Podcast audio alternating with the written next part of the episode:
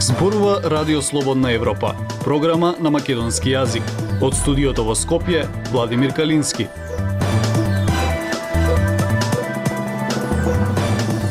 Почитувани гостин во неделното интервју на Радио Слободна Европа е Имер Селмани, бизнисмен, предходно активен во политиката, беше и председателски кандидат на изборите во 2009 година.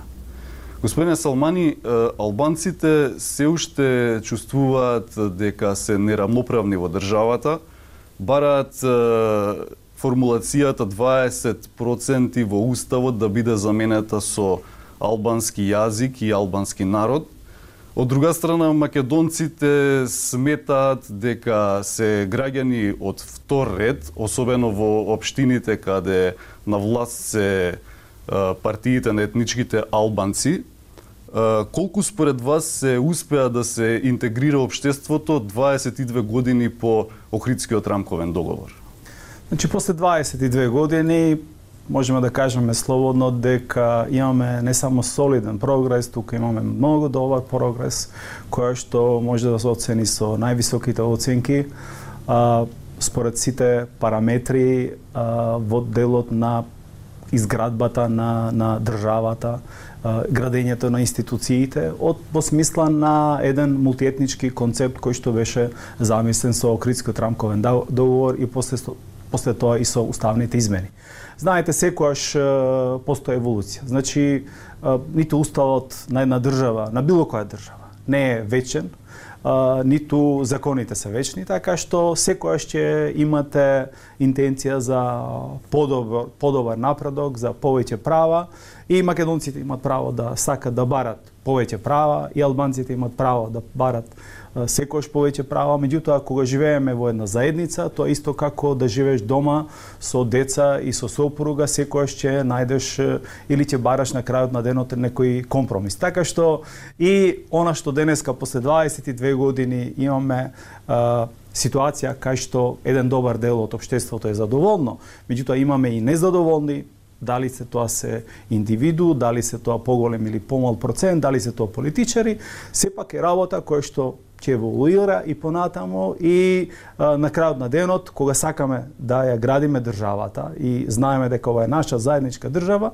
ќе дојдеме до одреден компромис во кој што сите ќе бидеме задоволни.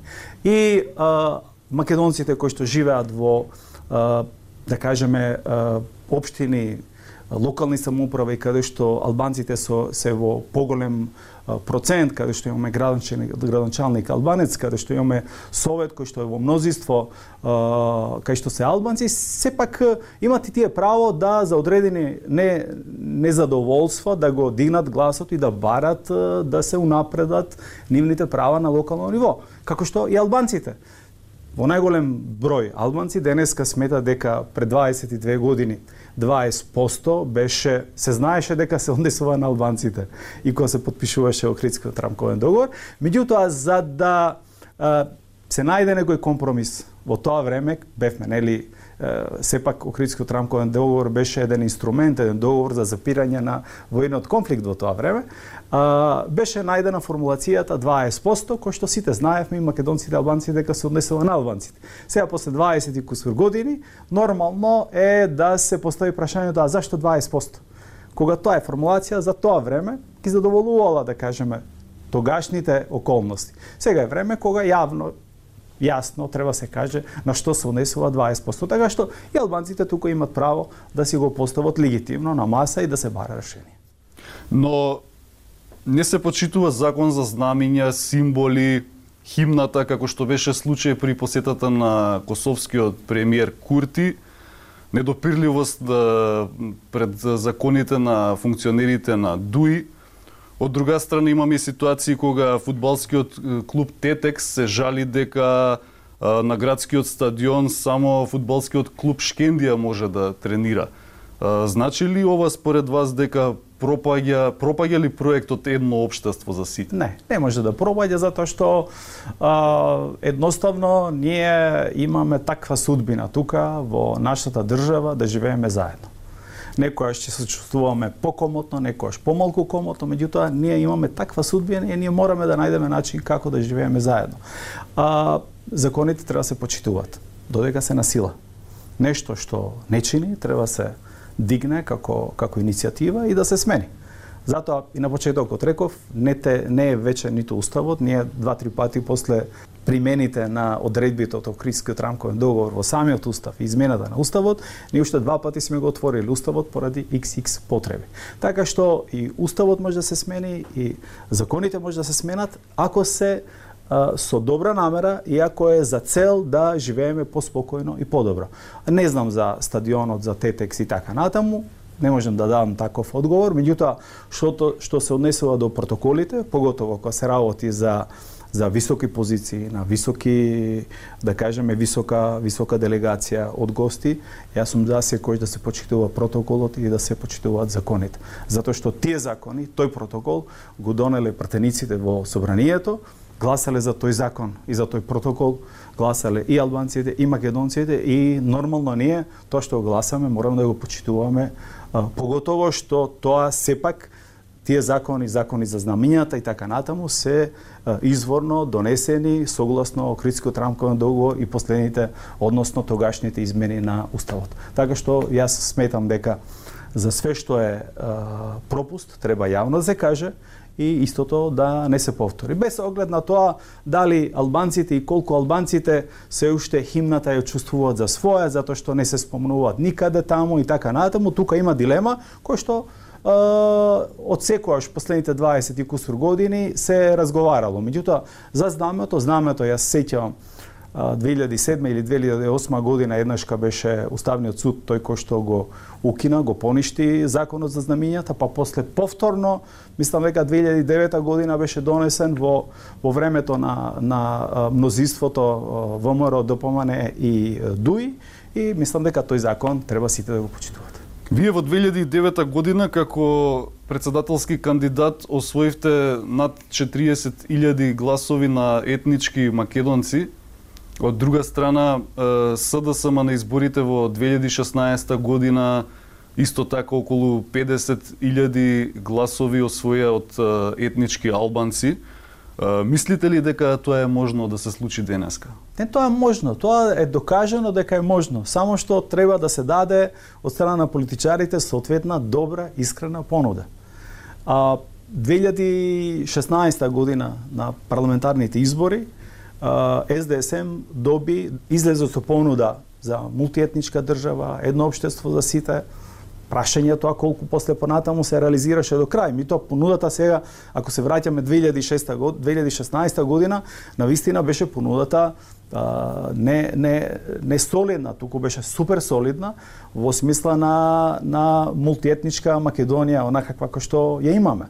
А, имаше пратеници, значи кандидати за пратеници албанци во редовите на СДСМ, а, така што во тој период тие гласови, тие гласачи албанци едноставно детерминира да СДСМ и коалицијата во тоа време успе да се доближи до еден пратеник, ако не се лажам, до, до ВМРО ДПМН. Иако ВМРО ДПМН победи, меѓутоа со овие албански гласачи кои што 50 повеќе или помалку хилјади преведено во пратеници, тие се помеѓу 7-8 пратеници, значи успеа да се доближи до ВМРО ДПМН.